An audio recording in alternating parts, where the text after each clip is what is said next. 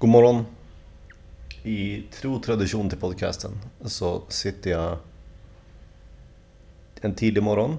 Jag har kaffen vid min sida. Och eh, jag spelar in. Jag tror det är en god idé att spela in tidigt på morgonen.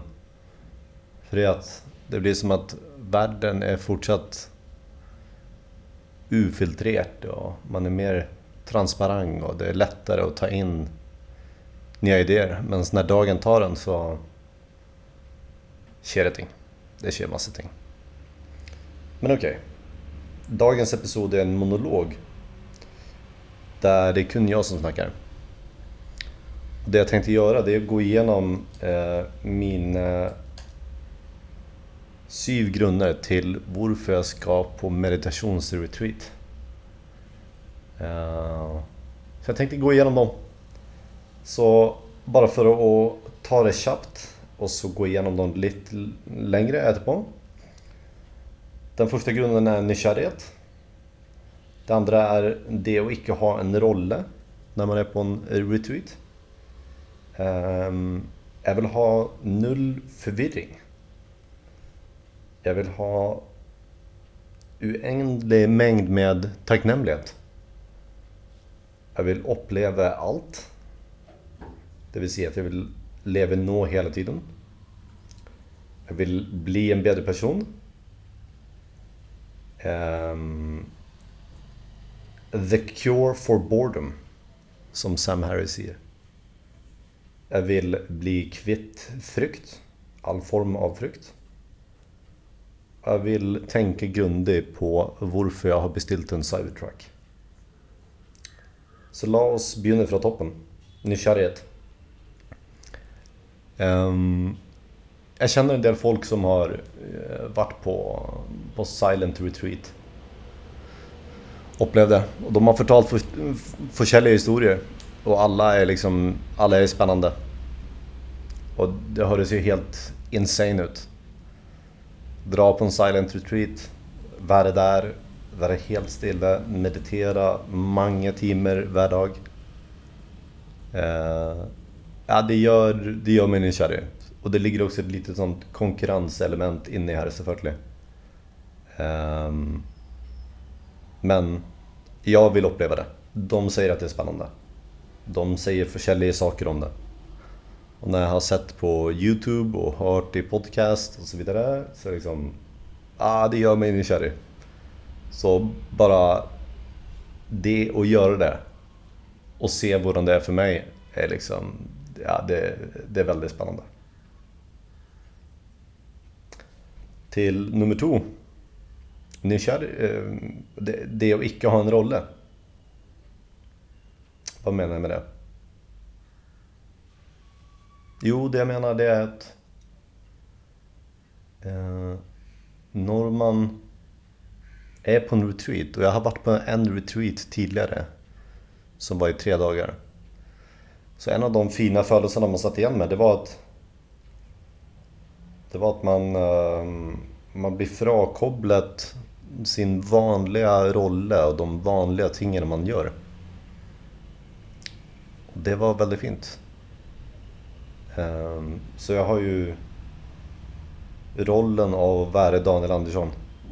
Vad det nu än är. Ehm, men liksom, jag har den rollen. Det är liksom folk som förväntar ting av mig. Att jag ska uppföra mig på en, en specifik måte.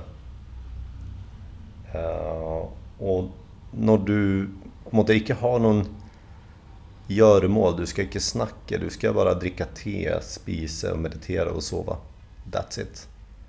Och så på den retreaten som jag var på, tillsammans med Pavel, tillsammans med Diego och Runar i Örebro i Sverige. uh, så ja, det var en sån lista på väggen där det stod som det här är det som sker. Och det sker varje dag på samma måte. Så det var otroligt enkelt att förhålla sig till. Så det blir lite som att man är ett, ett barn utan ansvar på något sätt. Du kan fokusera på bara värre där och då. Uh, och gå in i det igen, eh, det är fint. Så det har jag lust att göra. Nummer tre. ingen förvirring. Vad menar jag med det? Jo... Um, ja, det är mycket förvirring i livet. Man, man förvirrar sig själv om vad man vill, för exempel. Ska, och liksom enkla ting. Ja, ska jag spisa det här eller det här till frukost? Och så vet man inte helt och man klarar inte bestämma sig. Eh, men också i förhållande till stora ting. Jobb. Ska jag ha den här jobben eller ska jag inte ha jobben? Eh, Borde jag byta jobb? Eh, Borde jag byta karriär?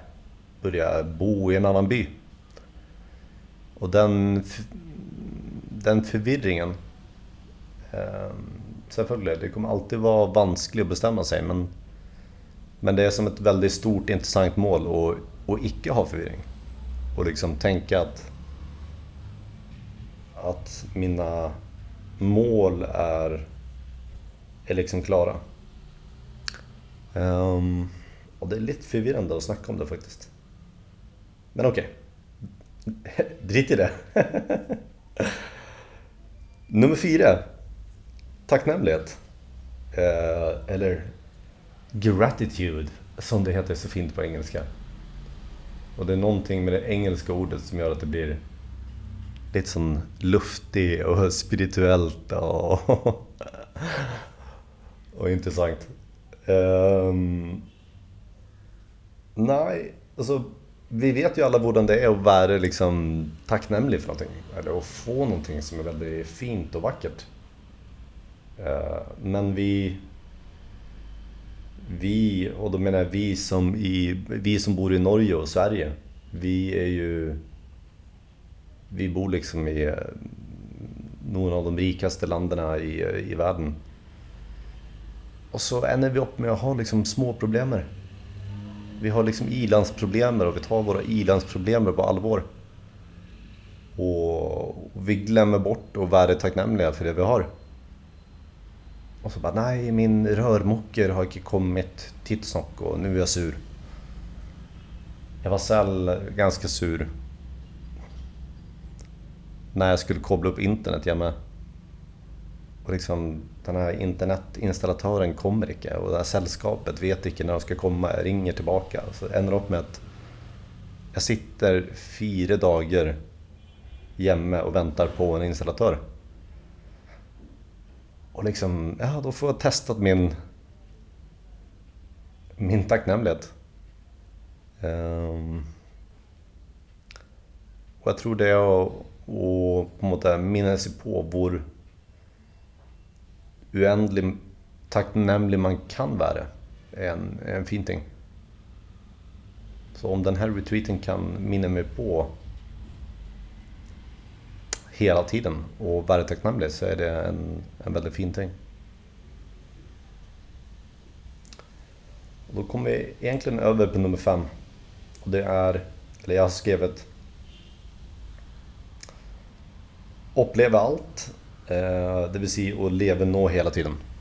Så vår utfordring det är ju att vi vi lever i framtiden, eller vi fryktar framtiden, eller vi har angst för framtiden.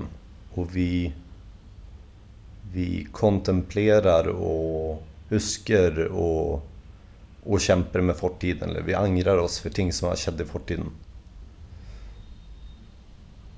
Och det vi är konstant dåliga på är att leva i nåtiden. Så om jag kan leva mer i nåtiden och la på en måte varje dag och vart nytt ögonblick vara en möjlighet till att Ja, till att uppleva det som sker nu istället för att tänka på det som ska ske, sant? Så nu är min utfordring till mig själv, det är ju sån, okej, okay, jag ska in i 10 dagars retreat. Jag har massa förväntningar. Men det är idag klockan fyra som det börjar. Och jag ska uppleva den här dagen också se vad den blir på. Bli överraskad och, och njuta den dagen. Um, nummer fem. Är det nummer fem? Ja, nummer fem.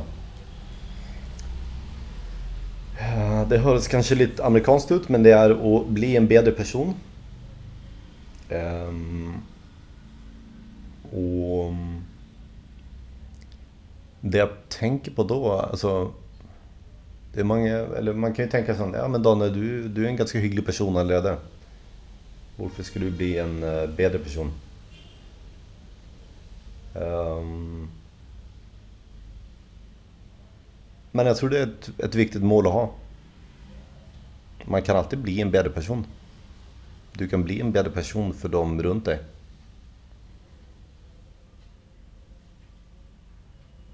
Men man tänker ju väldigt mycket, och ja, när man hör det kanske man tänker på som, ja, karriär och bli tjappare på något eller bli bättre på någonting. Men jag tror det är ett, eh, ett överliggande mål oavsett att bli en bättre person och ha det som ett mål. Och så har vi The Cure for Boredom. Och nu tänker jag att jag egentligen måste spilla in, spilla en liten, eh, en liten ting här, ska vi se. Där. Och ut av flight mode. Och in i appen till Sam Harris. Vår vän Sam Harris. Så det här är ett av de korta klippen som ligger i eh, Sam Harris sin meditationsapp. Då går jag in på Theory och Lessons.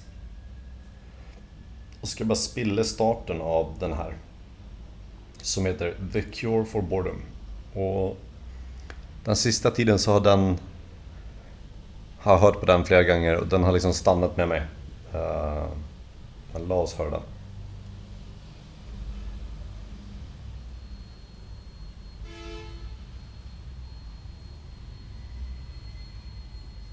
Ska vi se. Bilden är inte spela. Vad är det som sker med dålig internet?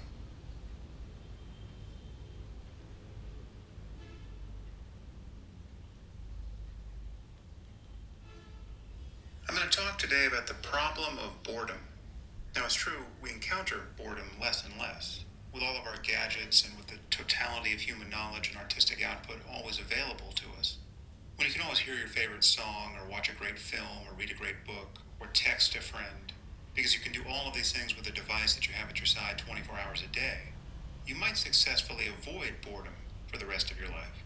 But you might also never discover what's on the other side of boredom. And you might not recognize the price you are paying for being compelled to distract yourself, for having lost or having simply never acquired a capacity for doing nothing, a productive capacity for doing nothing. Once you learn to meditate, you realize that boredom is simply a failure to pay attention. If something as simple and repetitive as breathing can become a source of blissful contemplation, and it can, and if the feeling of boredom itself can become an object of intense interest, and it can, there's no way to be bored if you're paying close attention to your experience. So, training in meditation is the true cure for boredom It's a kind of permanent inoculation. Once you learn how to meditate, you will never be truly bored again. Så det där var de första sekunderna från, från hans uh, klipp där. Och det jag tänker är så intressant där, det är att Tänk om man aldrig kedjar sig igen. Tänk om alla ögonblick alltid är intressanta. Och det är alltid spännande att, att göra det man gör. Det är liksom... Det är otroligt stort. Um, jag vet inte om jag kommer dit. Jag har ingen aning. Men om, om vi tänker att det är insatsen. Liksom, du, du kan göra någonting som kanske gör att du aldrig kedjar igen. Ja, då är det hög insats. Och, och det betyder att du vill lägga energi i, i och kanske nå det målet. Då.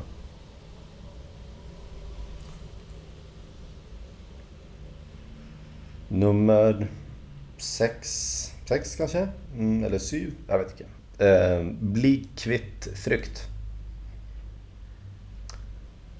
Det jag tänker är att vi, vi frykter massa ting, inte sant? Vi frykter att få käft från chefen och vi frykter och, och si fel ting på fel tidpunkt. Och det är massa ting vi frykter. Um, ehm, och jag vet inte helt varför vi gör det. Vi har ju ingenting att frykta. Vi vet att vi är någon slags apa som löper omkring på jorden och gör massa saker. Och um, frykt är en födelse. Vi har en hjärna, vi kan tänka lite det vi vill tänka. Och om meditationen kan hjälpa oss till att bli fri från frykten för olika ting så är det väldigt fint. Cybertruck. Mm. Nej, Cybertruck fungerar ju egentligen mest som en clickbait. Clickbait. Om Pavel hade varit där nu så hade han sagt så här. Daniel, Cybertruck är inte så väldigt mindful. Och det att ha det som en clickbait i en podcast som man inte kan klicka i är väldigt rart. Men... Um, nej, jag har beställt en Cybertruck. Och jag gjorde det för någon vecka sedan. Uh, och... Ja, kanske jag ska tänka på min Cybertruck. Hur blir det att köra Cybertruck om två år? Och det jag syns är så intressant med Cybertrucken det är att det är helt tydligt att Cybertrucken ligger utanför Manges ämne till att fantisera. Det är liksom bara what? Kan man köra en bil som ser sån ut? Och är den miljövänlig? Men den är ju så stor. Och den är laget av metall. Och det är vanskligt att knusa rutorna. Och den är elektrisk. Och den är insane. Och den ser inte ut som en vanlig bil. Men liksom... Det är ju, det är ju bara en till bil. Det är, det är ju inte så vanskligt.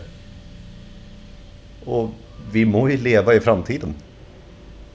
När man var liten så drömde man om hurdan det var, hurdan det skulle bli i framtiden.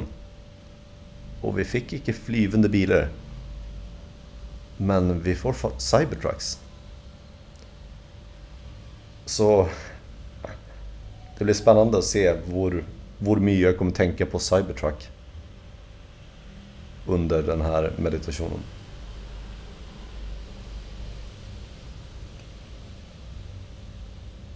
Mm. Nej men okej. Jag la det vara med det. Jag önskar er en god och fridfull jul. Som är vår tradition där jag är med. Um, och lite som vi sa på den förra podcasten. Oavsett vad du gör så hoppas vi att, eller jag hoppas att du har en närvarande fin jul. Där du fokuserar på dina, dina ting, dina människor runt dig jag ska fokusera på mig själv. Men jag tror i förlängelsen så fokuserar jag på andra. Icke akkurat här och nu. Men i den versionen som jag vill bli.